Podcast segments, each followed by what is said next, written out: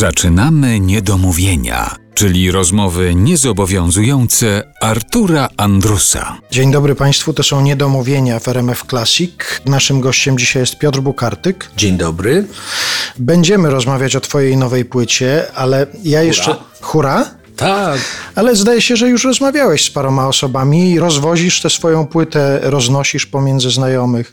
No, tak wpadłem na pomysł takiej domowej, domowej promocji, no bo co robić, wiesz, nie gramy koncertów, to się nudzę, w związku z tym wsiadam w samochód, dzwonię do znajomych, pytam, czy może chcą płytę, czy posłuchaliby, chociaż może by przyjęli. Bardzo zabawne zadzwonić do kogoś i zaproponować mu własną płytę z autografem, poprosić go, żeby może przyjął. I oni tak nie mają specjalnie wyjścia i na ogół przyjmują. Ale... A potem jest fajnie, potem mówią, że nawet ładnie, nawet fajnie. Tak. I że nawet kilka razy słuchali. Tak, tak, tak, tak. W większości tych, którzy wysłuchali i to nawet czują się w obowiązku, żeby powiedzieć mi, o, że ta ładna i po tytule mówią, czyli wiesz, albo dzwonią i, i, i rozmawiają ze mną trzymając okładkę w rękach, nie posłuchawszy, albo rzeczywiście zrobiło coś na nich wrażenie. No to do tej płyty dojdziemy w pewnym momencie naszej rozmowy. Będą Państwo mieli też okazję czegoś z tej płyty posłuchać w naszej rozmowie, ale ja zacząłbym zupełnie od czegoś innego. Co prawda, kiedy usłyszałem w jednej z tych piosenek nagranych na tej nowej płycie takie sformułowanie lecz o pierdołach już nie mówmy tu, pomyślałem sobie, że to głupio, że ja będę chciał jednak zacząć od banalnego tematu. Ale czy nie masz tak, słuchaj, ostatnio, że jak widzisz, ile tego poważnego jest dookoła, to właśnie szukasz jakiegoś odejścia od poważnego? Wiesz, dwutorowo bardzo często zdarza mi się, że może jest tym i dowcip, ale przede wszystkim jednak złośliwość dominuje.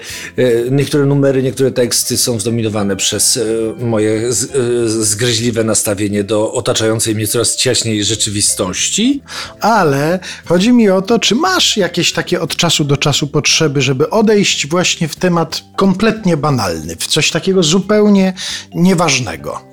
Ja nie wiem, czy to są nie, nie, nieważne te rzeczy. Może właśnie one są teraz ważne. Rzeczywiście, jako odtrutka, zdarza mi, na, mi się napisać piosenkę absolutnie absurdalną i niezwiązaną z niczym. Ja nawet sam do końca nie wiem, dlaczego piszę coś takiego. Zajmuję się kretynizmami z wielką taką przyjemnością, z ulgą. Tak, tak. Dlatego to zapytałem, że ja jestem od paru dni pod wrażeniem czegoś, co znalazłem w gazecie. Ja nawet na to nasze dzisiejsze spotkanie przyniosłem specjalnie tę gazetę.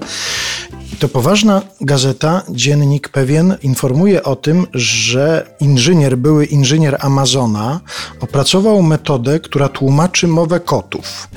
I to? No, że koty podobno wydają dziewięć takich komunikatów tylko. I, I on wie, o co im chodzi. Ta, on wie, o co im chodzi i planuje przygotowanie takiego kołnierza, który będzie się... Nie śmiej się, tylko to jest naprawdę w gazecie napisane. Taki kołnierz będzie miał kot i to w czasie rzeczywistym będzie tłumaczyło, czyli kot zrobi miał, a to przetłumaczy głodny jestem na przykład. Aha. Takie rzeczy robią na tobie wrażenie, czy wręcz przeciwnie? Wiesz co, ja bym taki kołnierz chętnie kupił i założył, ale nie kotu. No i proszę, można przyjemnie poruszać błahe tematy. Do takich i nie tylko takich wrócimy w rozmowie z Piotrem Bukartykiem wkrótce.